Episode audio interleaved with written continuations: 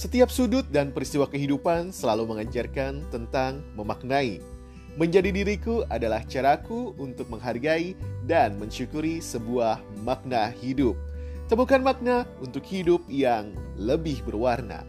Sampai ketemu dalam episode-episode di podcast ini. Menjadi diriku bersama saya, Randy Arta.